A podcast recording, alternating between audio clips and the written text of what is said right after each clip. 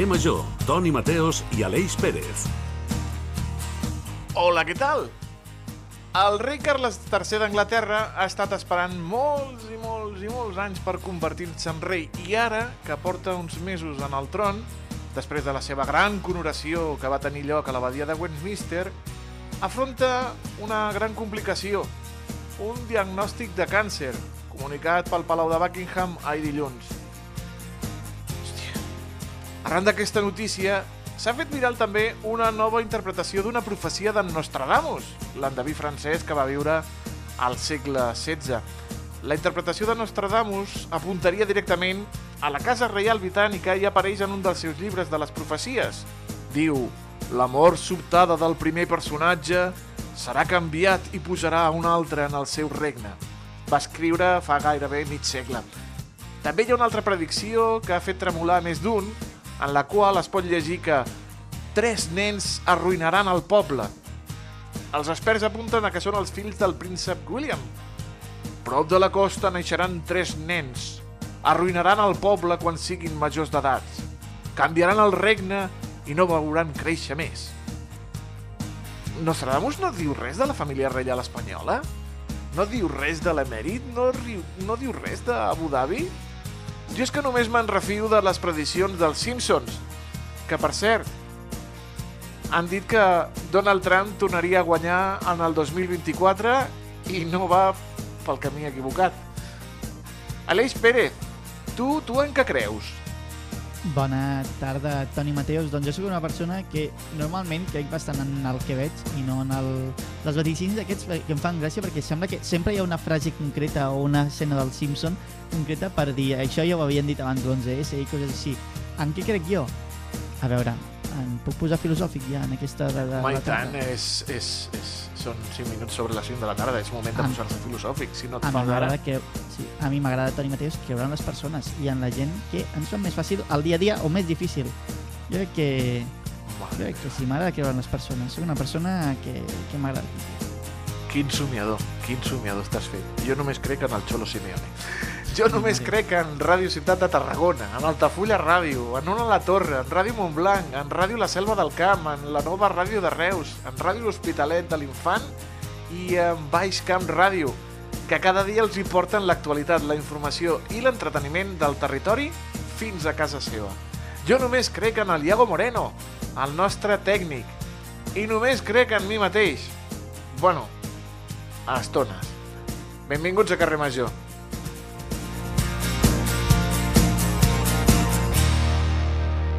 Carrer Major, la proximitat del Camp de Tarragona.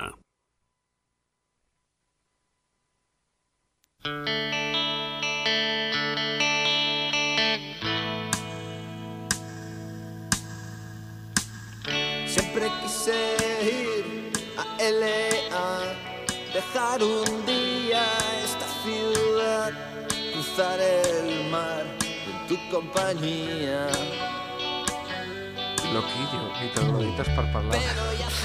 Des de l'any 2003, la Germandat dels Set Pecats Capitals intenten recuperar l'esperit burlesc i satíric que era característic del Carnaval de Reus, oferint activitats pròpies com exposicions, balls de nova creació o actes reivindicatius. Aquesta associació formada per gent de diferents colles aboga per un carnaval diferent al model actual. Per això hem convidat el president de la Germandat, el Jordi Sisa, que el tenim als estudis de la nova ràdio de Reus i el saludem. Jordi Sisa, bona tarda. Molt bona tarda i espero que la sintonia no vagi per boig No, o troglodita, no? no, tot, ni tampoc, Jordi, ni tampoc. Jordi, si poguessis viatjar en el temps, què li diries eh, al, al Jordi Sisa de fa més de 20 anys i a la resta de la Germandat abans d'engegar l'associació? Què, què els hi diries? No t'emboliqués en aquesta troca perquè et portarà molta feina, però baixa. No...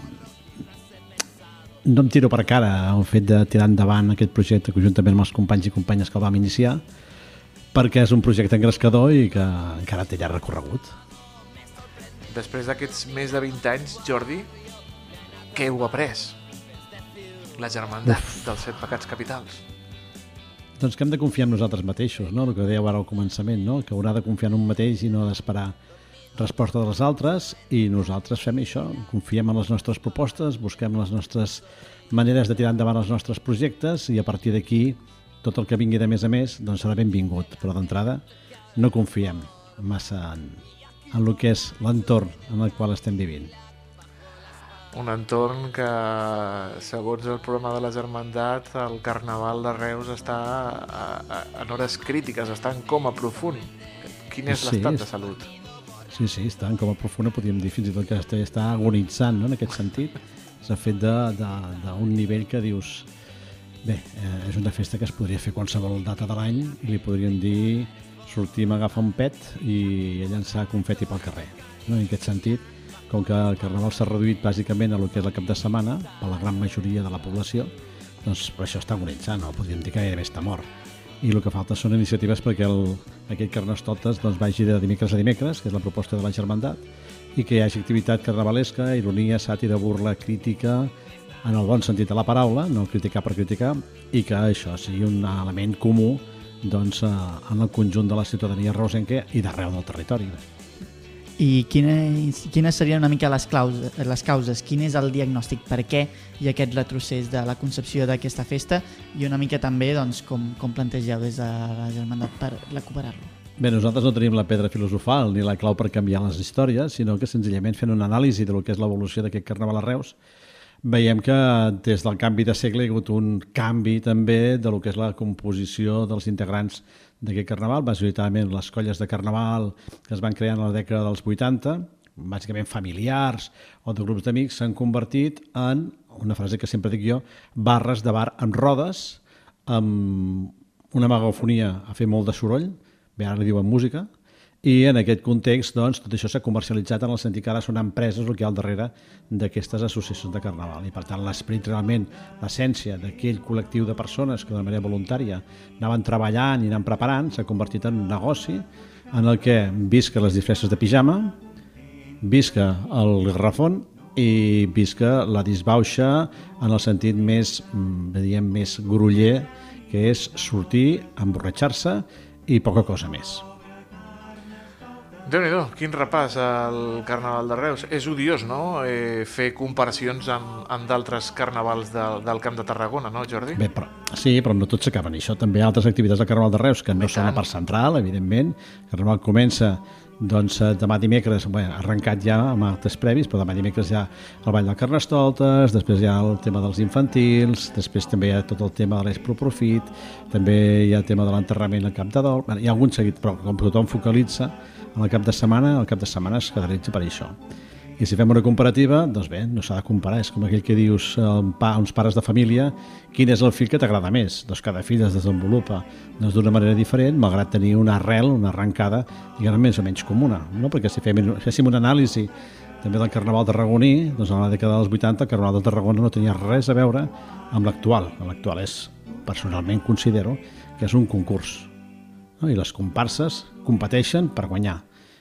I bé, mm, no és un carnaval això, això simplement és un concurs, com dic la, la seva pròpia expressió. Que s'hi gasten molts diners, que es veixen molt, que té molt de públic perquè és més un espectacle que no pas una festa, o és una festa espectacle, i hi ha d'haver de tot per tothom. I en aquest sentit doncs, són dos models molt antagònics i que curiosament s'ha la truita un cap a un costat i l'altre cap a l'altre. Tornem a la, la Germandat. Ara, actualment, es poden veure una exposició de fotografies al Palau Bufarull sobre els 45 anys del Carnaval a Reus i a l'aparador de Cal Navàs eh, una expo sobre un dels reis carnestoltes més recordats i, i enyorats, no, Jordi? Sí, en el Palau Bufull, que ja mostra que ja fa 20 anys que l'estem fent, és un, un repàs aquests, 40, aquests primers 45 anys de la recuperació del Carnaval, uh -huh. perquè antecedents anteriors, no? tant en el segle XX com en el segle XIX, i hem fet això, un repàs i explicar el que és la festa, com ha evolucionat, allò que hi ha hagut, allò que s'ha perdut, allò que s'ha posat de nou, una missió així bastant molt bàsica, no? perquè l'espai dona pel que dona. I en la Casa Navàs, en la col·laboració des de ja fa uns anys amb la Casa Navàs, doncs hem posat a l'aparador eh, elements, vestuari i alguns elements de lo que va ser un personatge Carnestoltes de l'any 94, que és com una mena de referent i que tothom recorda com un personatge, un pregó, una arribada i una setmana en la que va fer un trencament i va donar peu a, una, a un impuls de lo que serien doncs, els carnestoltes fins aproximadament l'any 2000, una cosa així. I per què era tan especial aquest Carnestoltes? Clar, jo sóc una persona també nascuda a principis de segle també com... Ai, com, ho havia, ho havia de dir. Ho havia de no, dir. Jo, jo vinc a fer aquí la, la, la, la punyeta, però clar, la gent que, que com jo no ha viscut aquest Carnestoltes, com el definiria? Doncs va, és curiós perquè 30 anys després encara ho diu ho podríeu tornar a fer, no? Això, aquesta frase tan nostrada, no? Ho tornarem a fer.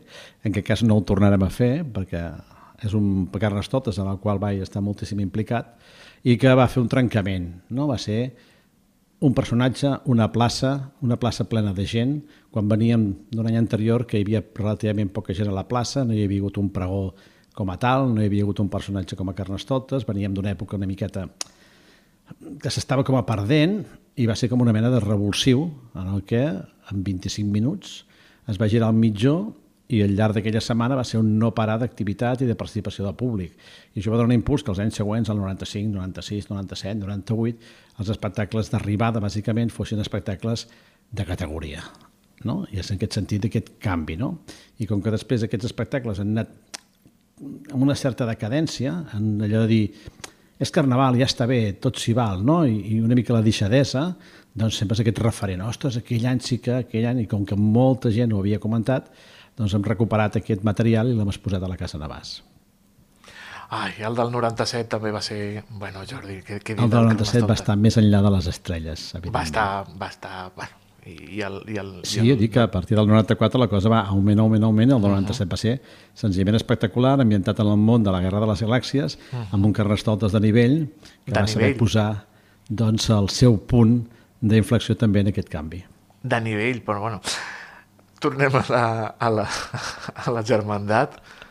Uh, heu recuperat, bueno, heu, heu tret els magnífics balls del Carnestoltes i els set pecats capitals i de la Quaresma i les virtuts, pals de paller de la, de la germandat. Eh, parlem una miqueta de la història, com van néixer aquests balls, eh, d'on van sorgir, Jordi? Bé, va sorgir doncs, de converses allò que jo diria després d'un sopar i un seguit de xupitos una mica animats, en el que podríem fer alguna cosa per animar, alguna cosa, mirant el que era el plantejament de la programació de Carnaval, per no interferir buscàvem espais on poder fer alguna activitat. I llavors plantejat aquest fet i com que hi havia, diguem-ne, membres, o hi ha membres que pertanyen també al món de la dansa, vam dir, doncs, per què no plantegem això, no? I creem de nova eh, iniciativa, perquè no hi ha antecedents històrics d'aquest fet, doncs dos balls que donguin el punt d'arrencada i el punt final a lo que seria, el que seria la setmana de Carnestoltes. Van començar amb la presentació l'any 2015 del Ball de la Quaresma i les Virtuts, o sigui, van començar al revés, van començar amb el final, que en principi era el ball més fàcil a l'hora d'organitzar i muntar el tema de vestuari, i eh, va ser tan bèstia l'acollida i tan bona resposta per part del públic que es vam engrescar tant que l'any següent, el 2016, ja van treure el ball de Carnestoltes i els set pecats, no? que és el més tècnicament més complicat perquè el ball són 13 minuts i el vestuari és molt divers i el que buscàvem era aquests elements d'entrada d'encada i de tancament qualitatius i que marquessin un punt d'inflexió, també buscar aquest canvi, de cara a un carnaval que sigui diferent, diferent. No vulguem dir que sigui ni millor ni pitjor, sinó que a nivell qualitatiu, amb ironia, sàtira, una miqueta de burla, i són aquests personatges que sortiran demà dimecres i que bé, si anem pel carrer i ens els trobem, doncs vagin en compte, no fos cas que la luxúria els hi provoqués un excés de- d'escalfor de, corporal. déu nhi les disfresses de, del rei Carnestoltes i, de les, i dels set pecats, les màscares, les, les perruques i també la, la disfressa uh, de, la, de la quaresma i, i de les virtuts criden moltíssim l'atenció de tothom, no només a Reus, sinó a, a tota Catalunya. Sí, és allò que buscàvem, no? marcar un nivell, no? i a partir d'aquí, a si fem alguna cosa, fem-la ben feta, no fem qualsevol cosa, anem a participar i no anem a fer el ridícul, és un dels plantejaments. No? Si una cosa no es pot fer, enguany no es farà l'any vinent o no es, o no es farà, no? perquè també hi ha propostes que tècnicament no s'han pogut fer. I en aquest context buscàvem això, no? sempre aquest nivell qualitatiu que, diguem-ne, caracteritza els actes que fem des de la Germandat i que volem això, doncs, un, un carnaval de qualitat, encara que no hi hagi competició ni disfresses de, tan glamuroses com hi pot haver en altres indrets. En qualsevol element amb bon gust ja és una bona disfressa per poder participar i nosaltres hem buscat això. No?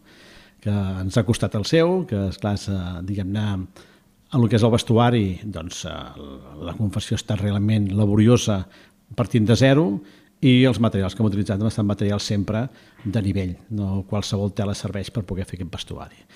L'acollida és espectacular, la gent ja ho està esperant i en aquest sentit doncs, estem extremadament agraïts al conjunt de la ciutadania per aquest fet i la gent pregunta quan surt, doncs de sempre, el dimecres, el dia abans de dijous graus a les 7 de la tarda i el dimecres de cendre, la quaresma, també a les 7 de la tarda i amb dos balls des del campanaret.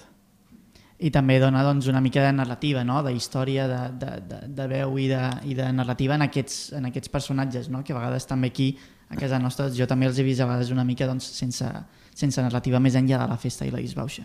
Sí, eh, en aquest sentit, no? hi ha un personatge que uneix els dos balls, que és el Camarlenc, que és com el que mestre de cerimònies, no? que fa una introducció i una explicació i dona una mica de peu a cadascun dels balls. En aquest sentit, fa la presentació dels personatges i cada personatge interactua, per una qüestió de màscares no poden parlar, no? en aquest sentit, però interactuen amb el públic, especialment els pecats no que són més, diguem-ne, descontrolats. Per això són els pecats. No?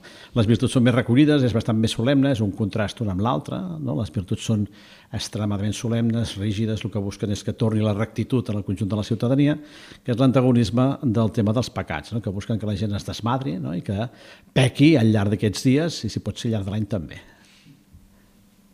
Dijous eh, surt la, la plenària al complet de la germandat dels set pecats capitals, espargir les cendres de l'anterior monarca i el dimecres doncs, donen fe de la mort del monarca i recullen les cendres. Eh, aquesta és la seva missió eh, particular no? de, de la germandat dels set pecats capitals, Jordi? Bé, és un element que dius... Mm què passava? Que se'n cremaven carnestoltes i quedaven totes les restes de les cendres allà al mig de la plaça i van dir per què no fem una recollida de les cendres i tot un cerimonial en aquest sentit com a preservar l'esprit carnavalès no? que ha quedat reduït a cendres. I és aquest fet. No? I per tant, com que custodiem les cendres al llarg de tot l'any, no?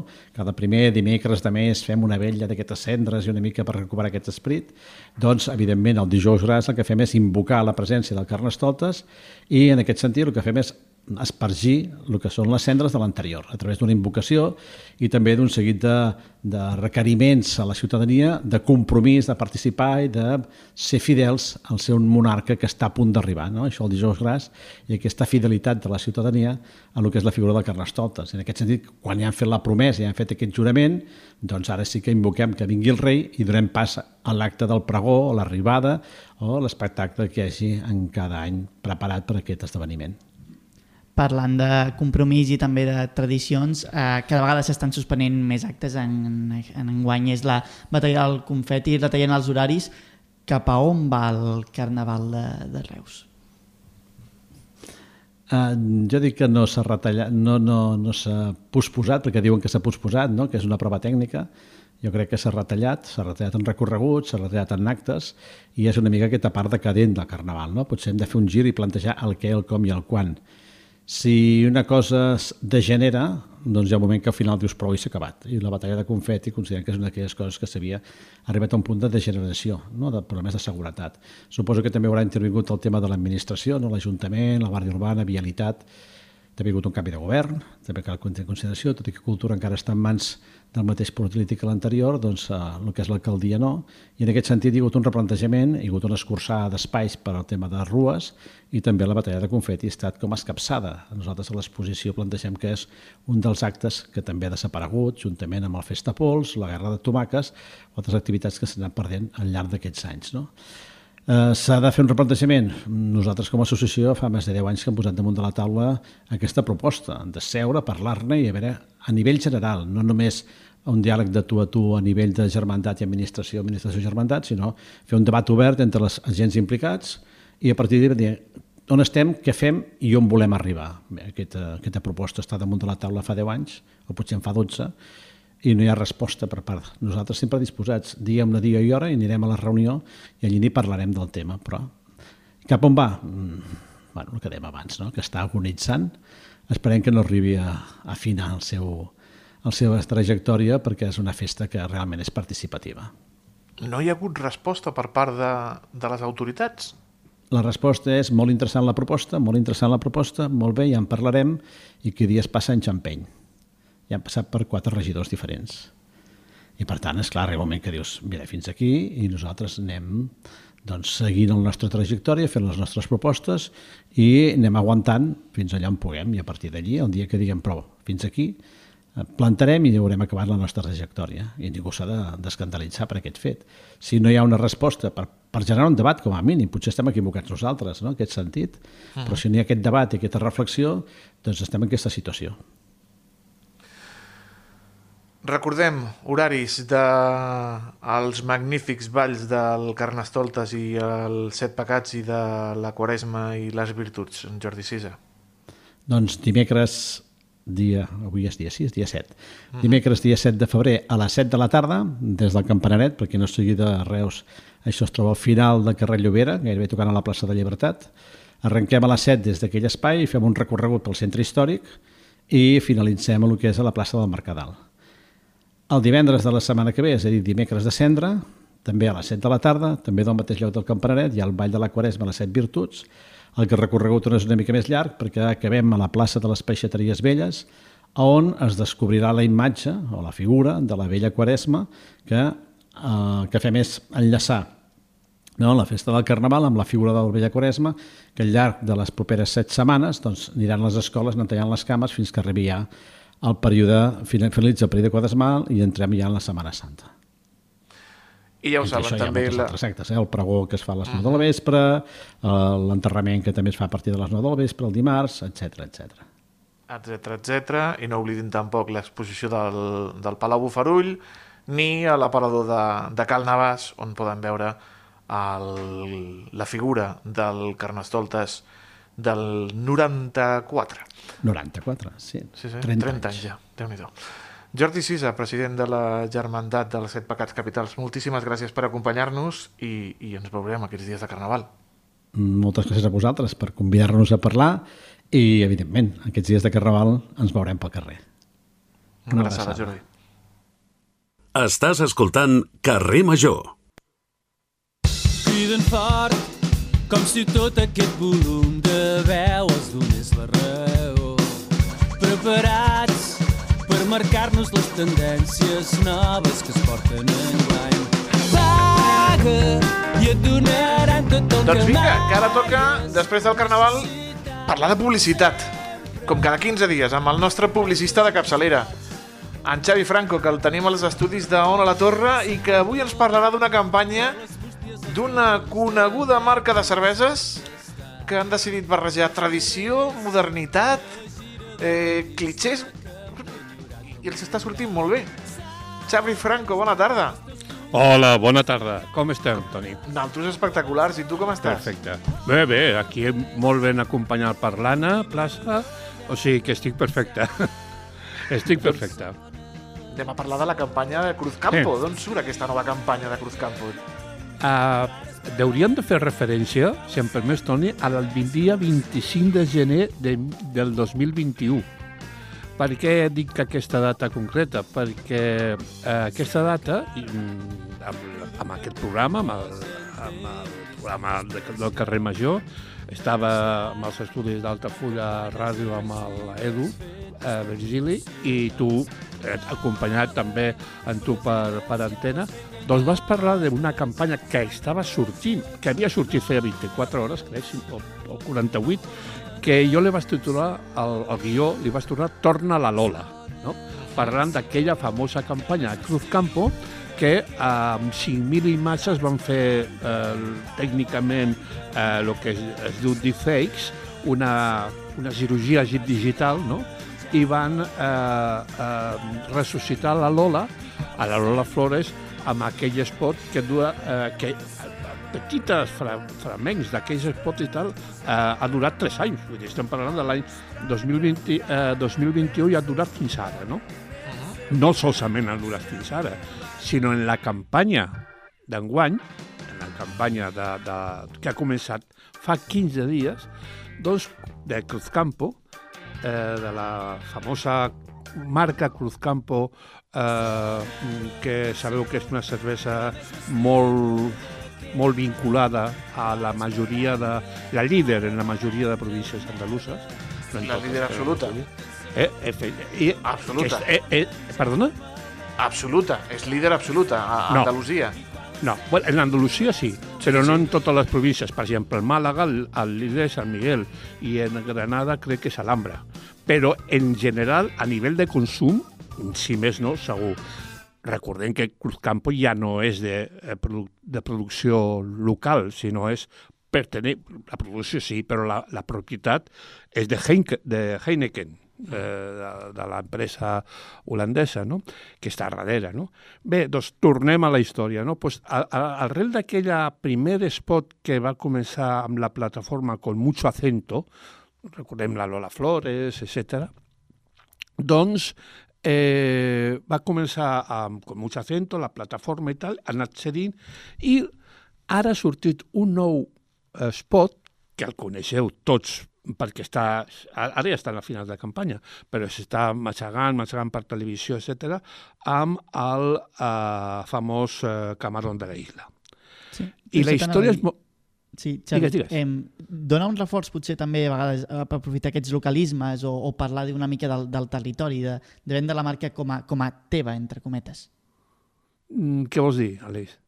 Potser al final, no, que tots aquests anuncis també parlen o, o, o marquen, s'emmarquen doncs, com en el cas de, de l'Alhambra, no? d'una de, de, d'una mica de la cultura d'Andalusia, de, de Eh, totalment, gent. Totalment. Vull dir, ja va començar amb les flores, però és que ara ho han... Vam començar amb les flores, que aquell va ser un magnífic, magnífic espot. I, i, i l'estela aquesta ha anat seguint fins ara, no? I en aquest cas, eh, ostres, tu, han, però és que va ser, va ser molt bo perquè aquest, aquest esport de televisió, el que estem veient, no estava planificat en un, en un principi. I eh, resulta de que van descobrir la dona de la viuda del Camarón de la Isla. Recordem que el Camarón va morir el 1982, no? o sigui, ja fa eh, bastants anys a l'any de l'Olimpiada. No? Eh, però van descobrir la, la, la dona, que té tots els drets, etc, els guitarristes i sobretot el productor de l'estudi de gravació on van fer un disc en l'any 1989, el disc es deia Soy Gitano, el, el Camarón de la Isla, van, que van veure que existia una pista, una pista sonora, no? que llavors, pues, ara no sé com ho fan, però llavors eren cintes obertes, etc amb 36 o no sé quantes pistes, i eh, van descobrir que després de la gravació, d'una de les gravacions d'una cançó, d'alguna cançó de, de, de Camarón, doncs prenien, és normal que després, doncs, un moment de relax o mentrestant, fem una parada de 5 minuts de mitja hora i tal i qual, prenien una, cruz, una cervesa i era Cruzcampo.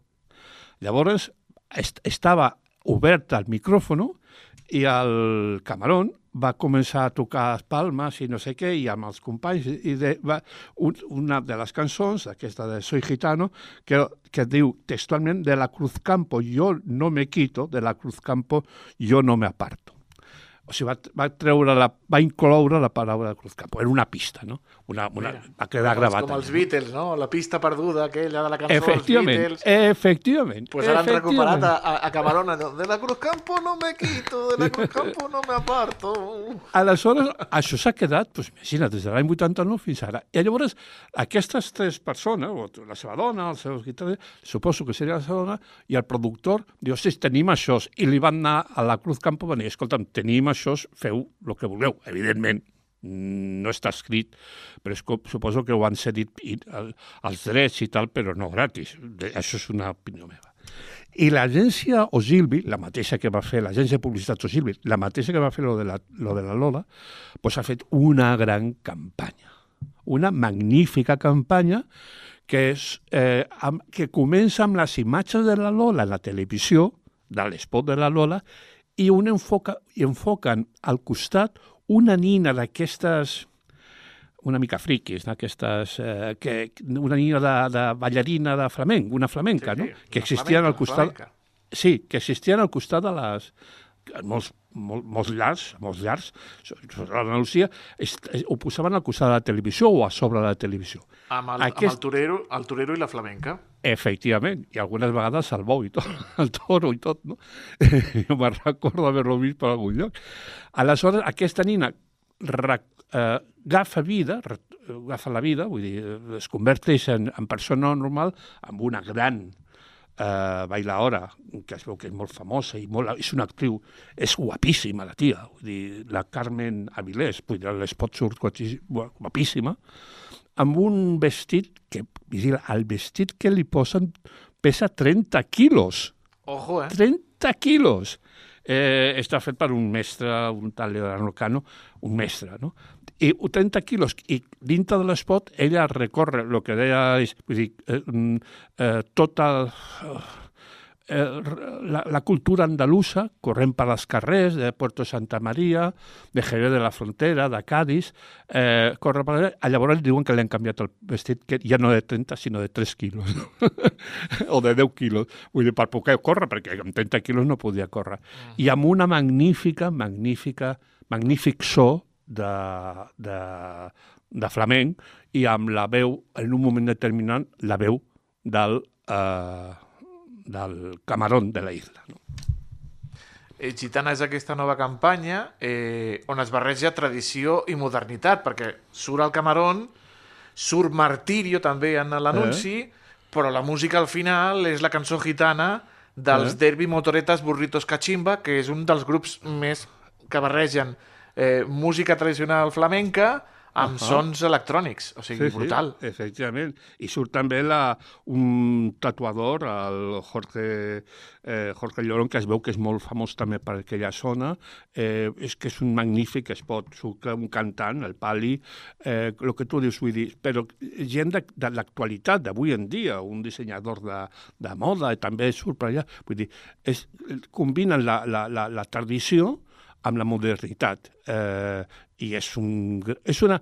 Eh, eh, curiosament, act- actualment, dic un, una anècdota, actualment les eh, gravacions, les, els rodatges es fan en, lògicament en digital, però aquest spot s'ha fet, s'ha rodat amb l'antiga eh, tècnica que era de 35 mil·límetres, perquè dona una qualitat molt, molt bona, la de 35 mil- mil·límetres, dona una qualitat mm, cinematogràfica, vull dir, és, és la, la màxima qualitat que pot haver que no la dona una digital, una, una gravació digital. Tenim, crec, que mm, l'espot, bueno, un- una versió petita de l'espot del, Sí, del, escoltem-la, escoltem-la de Mm. fons mentre, mentre parlem sobre ella. Es tu tesoro. No lo pierdas nunca. No lo pierdas nunca. Por el cinto. No lo pierdas nunca. No lo pierdas nunca.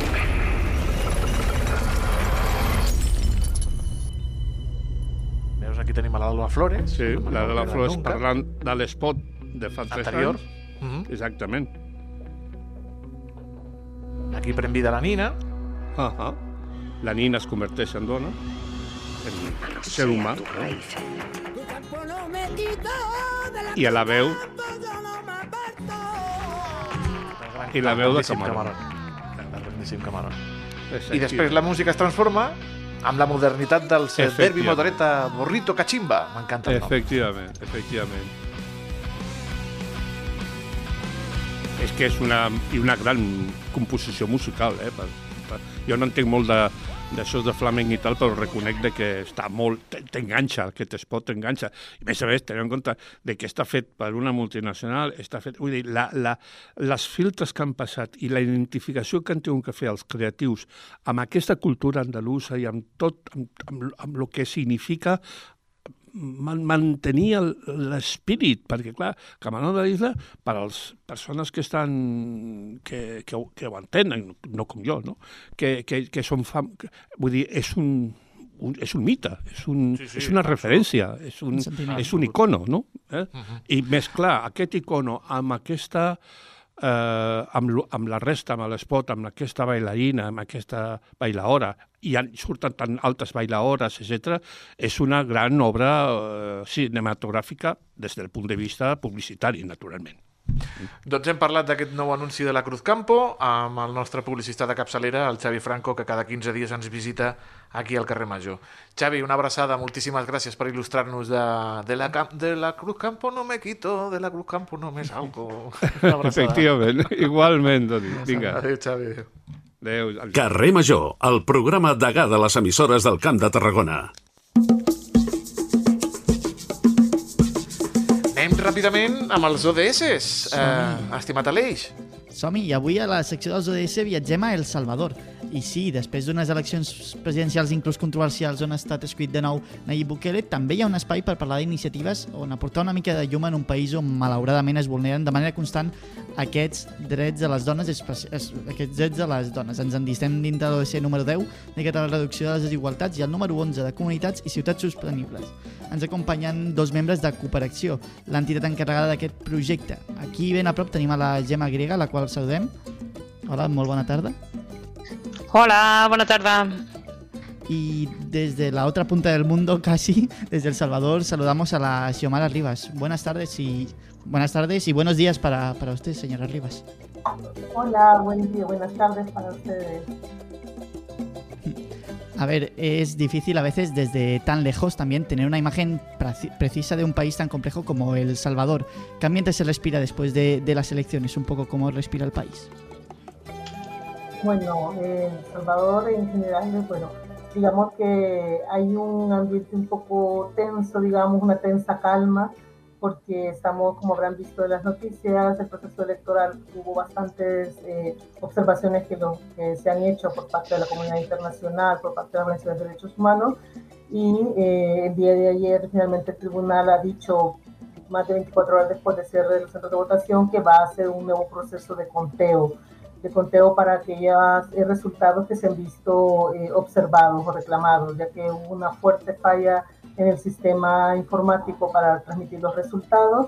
Entonces, eh, pues en una tensa calma, con un reclamo muy fuerte de parte de las organizaciones, principalmente de mujeres, de que se haga una, que se respeten los resultados y la decisión del pueblo. Y eh, pues ese es el momento en el que estamos ahora. Y hablando en este contexto tan complicado, eh, Gemma, ¿cómo surge esta, esta iniciativa para buscar pues, unas ciudades seguras para, para las mujeres? Bueno, pues la iniciativa surge de nuestro trabajo de Cooperación. Cooperación somos una organización feminista de cooperación internacional. Lleva trabajando desde, se creó en 1994 y lleva trabajando en El Salvador desde bien los inicios, desde 1995. Entonces, bueno, es, una organiza- somos una organización con una trayectoria amplia ¿no? y experiencia en, en El Salvador. Y a medida que hemos y que vamos acompañando ¿no? a nuestras socias, que sobre todo son colectivos y asociaciones de, de mujeres y feministas, eh, van surgiendo ¿no? estas estrategias de intervención. Entonces sí que con el apoyo del Ayuntamiento de Tarragona hemos llevado a cabo un proyecto de- con, con una socia, con la colectiva eh, feminista, de cómo se construyen ciudades seguras, inclusivas, sostenibles eh, y que pongan ¿no? en, la sostenibilidad de la vida ¿no? también en el, en el centro. Entonces surge ¿no? de toda esta estrategia conjunta, de cómo ¿no? nos encontramos una organización de cooperación internacional ¿no? con colectivas y asociaciones, en, en este caso en El Salvador. Y creo que, que, bueno, que Xiomara sí que nos podrá explicar un poquito más de cómo se ha llevado a cabo ¿no? el proyecto y cuáles han sido eh, tanto impacto como, como resultados pero, pero, pero además también como Cooperación llevamos a cabo acciones ¿no? a nivel de, de Tarragona. Y en Tarragona sí que tenemos un, un grupo de personas voluntarias, afines, etcétera, que participan en unas escuelas populares de unas escuelas populares que vamos organizando de, de- economía feminista y también hemos llevado a cabo como un proceso de identificación de, a nivel de, de iniciativas de soberanía alimentaria ¿no? en el territorio. Y en el caso de El Salvador, ¿cómo llega toda esta ayuda, todo este trabajo desde Tarragona hasta, hasta el país de Centroamérica? Bueno, como decía Gemma, nosotros tenemos como una aliada, bueno, tenemos diferentes socias con las que trabajamos con organizaciones de mujeres y una de ellas es con la colectiva feminista, es una organización de una larga trayectoria en el país, referente dentro del movimiento feminista salvadoreño y que entre, uno, entre otros territorios en los que trabaja está el área metropolitana de San Salvador, que es este conglomerado que rodea la capital, aproximadamente 14 municipios con una población de cerca de 2 millones de personas, en la que se concentra la mayor parte de la vida económica y social. Entonces, acompañar eh, con este proyecto lo que pretendemos es acompañar a las mujeres organizadas de los territorios, pero también a su oficina de planificación, eh, similar a lo que sucede en Barcelona o en otros espacios. El Salvador tiene una, un comité de alcaldes de este grupo, de este sector, de esta área, que tiene su oficina de planificación. Y dentro de su oficina de planificación está un área muy importante para nosotros, que es el área de género. Entonces, la unidad de género es la con la que hemos venido trabajando desde la colectiva feminista, acompañándola en diferentes momentos hasta que hemos logrado, eh, han construido de forma interna con el apoyo de la cooperación un plan de la incorporación del enfoque de género a todas las áreas. Entonces, en el proyecto actual estamos, bueno, se ha hecho el proceso de elaboración del plan, una discusión con los alcaldes, la definición de estrategias, eh, la formación misma, la etapa en la que nos encontramos actualmente, del personal, no solo de las oficinas del área de la unidad de planificación, sino que también hacia las alcaldías. Entonces también hemos iniciado un proceso de formación con las responsables de la unidad municipal de la mujer de las 14 alcaldías y de otras áreas vinculadas en cada municipalidad, como para acompañar desde una política pública construida desde un enfoque de diversidades eh, la participación de las, de las mujeres. Entonces, eh, digamos que lo aterrizamos de esa forma. Y ahí pues contamos con el apoyo de Tarragona para hacer el financiamiento de la cooperación de Tarragona para poder implementar estos planes y que luego se traduzcan en acciones concretas en la vida de las mujeres. Y claro, y generar seguridad, no entiendo, entre las mujeres de, de, El Salvador. Sí, sí, bueno, eh, El Salvador eh, por muchos años ha sido conocido lamentablemente por una situación de problemas de delincuencia y de violencia social muy fuertes, en los cuales la violencia hacia las mujeres, la violencia machista son uno de los factores importantes que se viven. Entonces, estos planes lo que buscan es generar estrategias de seguridad para las mujeres en las ciudades, concientizar tanto a los tomadores de decisiones, a los titulares de las alcaldías, pero también trabajar con las mujeres sus estrategias entonces, eh, el enfoque de esta propuesta es eso, que los planes trabajen en medidas efectivas que apoyen a identificar cuáles son estas zonas de mayor riesgo cuáles acciones pueden desarrollarse que generen una diferencia en reducción de violencia de género, desde acoso callejero hasta otro tipo de violencia. Y la gente que nos está escuchando aquí desde el Camp de Tarragona, Gemma, en este caso, ¿cómo puede aportar su granito de arena un poco a ayudar a dar soporte a este proyecto? Bueno, pues la verdad que, sí que es importante ¿no? que nos apoyen a nivel de proyecto, pero sobre todo que nos apoyen a nivel de qué, acciones de incidencia estamos llevando a cabo aquí ¿no? en, Cataluña y sobre todo en, en Tarragona. Por ejemplo, dentro, dentro de, estas acciones que, llevamos a cabo en Tarragona, también hicimos una marcha exploratoria para identificar ¿no? en, un, en el barrio de, en, un barrio de Tarragona, bueno, fue en el centro, de, con un grupo de, de mujeres y personas exogénero disidentes de cómo se percibían ¿no? y qué espacios cómo se percibía el espacio, qué espacios eran seguros, qué no eran inseguros. No solo se hablan tampoco, también de cuestiones de seguridad, sino también de cuestiones como cómo es la acera, ¿no? si es estrecha, si es grande, si por aquí podríamos llevar a cabo ¿no? pues labores de cuidados como llevar eh, el cochecito de, una criatura o a una persona con, si una persona con discapacidad podría también trasladarse por esa acera, por esas, por esas calles, si están iluminadas o no.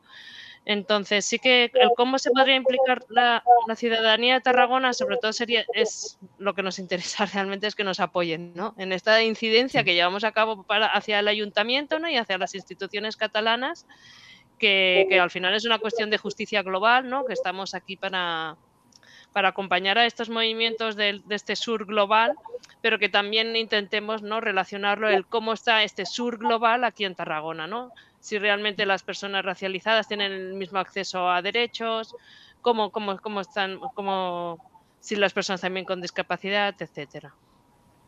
Entonces hay un hilo ¿no? que conecta también El Salvador con el Camp de Tarragona. No son sitios tan distintos, ¿no? También tienen las mismas necesidades Eh, muchísimas gracias, Xiomara Rivas y Gemma Griega de Cooperación, por venir aquí a contar pues, este proyecto tan, tan ambicioso y a la vez importante en, en sitios quizás muy lejanos, pero también parecidos en, en objetivos. Muchas gracias, muchas gracias. Por, la, por, la, invitación. Un gusto saludarle. Adiós. Muchas gracias. Un saludo.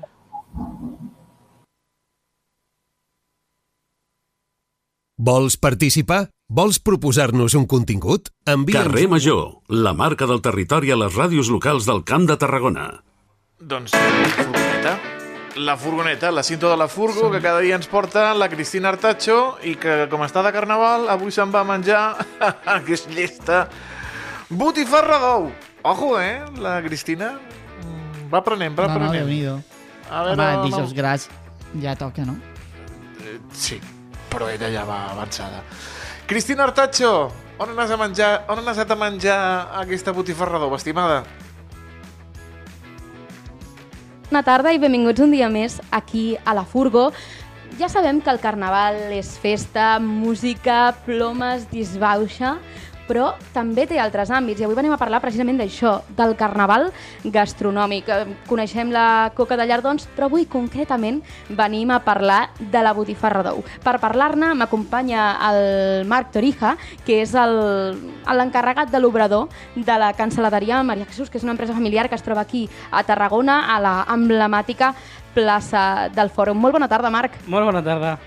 Aquesta botifarra d'ou, com es prepara la, la cancel·laderia per, per aquestes vendes i per, aquesta, per aquest producte que només es produeix en l'època de Carnaval? Correcte, doncs mira, nosaltres, eh, la nostra empresa, que és l'empresa de la meva mare, eh, la comencem a elaborar a partir de la setmana abans de, de lo que és la setmana del Carnaval. Llavors sempre anem pendents de quan és i mirant el, els tempos per sempre fer a la setmana abans la preparació per vendre durant la setmana del Carnaval i la setmana després. Perquè just el dimecres de cendre seria com l'últim dia que es podria comercialitzar antigament aquesta botifarra. És a dir, la botifarra no es ven només el dijous gras, sinó és com una mini temporada de botifarra d'ou que coincideix amb aquests dies de Carnaval. Correcte. Eh, normalment, antigament, la gent es preparava eh, per menjar tot el que és eh, elements, aliments amb grassa i molt de greix, com les botifarres, la truita d'ous, i normalment ho feien dijous abans de Quaresma i durant tota aquella setmana era com que la gent podia menjar el que volgués que no passava res. I llavors es preparaven i agafaven tot l'aliment i la força perquè a partir del dimecres de cendre no podien menjar ni porc ni ous. Llavors, l'origen de la botifarra d'ou es va crear per això. És a dir, que és un aliment sur que sorgeix no? de, de la tradicional, no? molt lligat amb la quaresma, llavors. Sí, correcte, i molt lligat, també, lligat amb la religió, perquè era com que uh, era la setmana prèvia on tu podies fer el que volguessis, menys a partir del dimecres de cendre, que llavors havies de començar pues, el, els dijunis, el menjar peix, el deixar de menjar tot el tipus de carn. Llavors, doncs, a la botifarra d'ou eh, s'elaborava expressament dijous gras. És a dir, que és com que la setmana anterior a començar la quaresma i a començar com aquesta etapa de dejú es permetien menjar de tot i més greixós i, i passaven de la dieta completament, no? Correcte, perquè abans doncs, no, no es tenia tant en ment de les dietes, llavors sí és cert que eh, eren dies que la gent podia menjar absolutament el que volgués i no hi havia límit. Llavors, clar, després arribava la quaresma, que qui tenia la bula papal podia lliurar-se d'aquestes eh, d'aquest privament de menjar carn. Llavors, si tu tenies o aconseguies una gula papal, podies menjar carn. O se't, se't convalidaven tots els pecats que tenies. I quina sort que precisament el Marc sigui l'encarregat de l'obrador, perquè a mi m'encantaria saber ben bé com s'elabora aquesta botifarra d'ou. Doncs és com elaborar una botifarra blanca normal, amb papada, panxeta, retall d'espatlla i retall magre, i l'única particularitat és que li afegim ou. Llavors, això el que fa és que quedin més esponjoses al gust i quedin com amb un color més tirant a groguenc.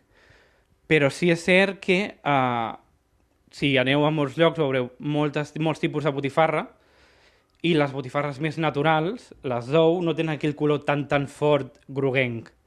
És com les paelles. Les paelles a vegades li tira un determinat colorant de color groc perquè quedin més grogues i perquè potencin aquest, aquest com color més ap apetecible, com si diguéssim. Llavors, nosaltres apostem per una botifarra tradicional, afegint-li l'ou. I llavors queda amb un color més semblant al color crema que no passa al color groc. Heu començat ja aquesta setmana a vendre les botifarres. Veieu que és una cosa que any rere any es manté la tradició, que la gent ve durant aquesta setmana i la setmana que ve a comprar-les, a buscar aquesta botifarra d'ou? Sí, correcte. Nosaltres en, en l'època de Carnaval reconeixem que és un producte estrella, que és el que més es ven perquè la gent ho busca i perquè com només ho elaborem nosaltres, en aquest cas per Carnaval, uh, la gent ja, és, ja ho té marcat al calendari ja d'any en any ja ens va preguntant quan comenceu a vendre-la? I llavors ja és, són, són clientes que ja tenim fixes i de, gràcies al, també al boca a boca i també a, per exemple, jo ara estic treballant a l'Ajuntament i avui els he portat un tastet a les companyes de feina i elles ja mateixes, ja l'any passat ja ho vaig fer, m'han demanat que ja els hi comenci a portar uh, encàrrecs. És a dir, que podem, fer, podem venir a la botiga aquí a la plaça del Fòrum, però també podem fer encàrrecs i trucar i venir a buscar-la, no? Correcte, sí, sí. Ja, si que tinc el meu telèfon em pot començar a encarregar que jo estaré encantat de servir-li la botifarra d'ou. Hem parlat una mica de la relació que té la botifarra d'ou amb el carnaval no? i aquest prequaresme que feia la gent antigament. Hem parlat de com s'elabora, però a mi m'interessa també saber ara com es menja, perquè ens la mengem com un embotit, la utilitzem per fer receptes de cuina i la posem a lo millor en algun guisat. Quina és la manera ideal de menjar-la? Bueno, la manera ideal és menjar-la com si fos un embotit, normal i corrent. O sigui, no és aconsellable posar-la pues, ni a les sopes ni res, perquè comporta l'ou i seria un regust que després faria potser malbé el, els caldos. Llavors, jo, per exemple, me la menjo amb pa amb tomaca, que és el millor. Acompanyada amb una mica de pa amb tomaca i ja està, o amb una miqueta de pa i oli per deixar de, la potenciació del sabor de la botifarra d'ou. O sigui, no, no fa falta posar-la en cap, ni en cap guiso ni, ni res. Ser minimalista, no? Sí, el, menos és más, en aquest cas. Doncs ja ho sabeu, durant aquesta setmana i la setmana que ve, temps de menjar botifarra d'ou, una tradició arrelada del Carnaval. Ho hem parlat amb el cap d'obrador d'aquí de la cancel·laderia Maria Jesús, de la plaça del Fòrum de Tarragona. Moltíssimes gràcies, Marc. Moltíssimes gràcies a tu, Cristina. I res, molts èxits, que es venguin moltes botifarres, jo de ben segur en compraré alguna i nosaltres ens veiem a la propera furgó. Adeu! Gràcies, gràcies Cristina i gràcies al, al mestre obrador. Ostres, tu, botifarra d'ou, que Em, bona també. Mm, I els quantes- bleiets que ja hem, ja hem passat. Mm. Digues. Quantes, creus que, quantes botifarres creus que s'haurà demanat, la Cristina? Encarregat. Un Perquè ha dit parell. algunes, eh? Ha dit algunes Ha- ha amb S algunes. final, eh? Tu no, tu no dius algunes, sinó és que jo crec que de Oh, pues dos o que té tres... encàrrecs. Segur que té Sí, sí. encàrrecs dels companys de, de Radio Ciutat perquè allà els agrada molt uh, el bon menjar. Nosaltres ens agrada molt la bona ràdio i per això tornarem demà a partir de les 4 amb el carrer Major. Eh, Aleix, com sempre, moltes gràcies i ens veiem demà. Moltes gràcies a tu, Toni Mateus, per aguantar-me una hora. Ens veiem demà. Ha estat fàcil aguantar-te una hora. Més ja. Nosaltres tornem demà aquí a la seva ràdio de confiança. Que vagi molt bé. Adéu-siau. Bona tarda a tothom.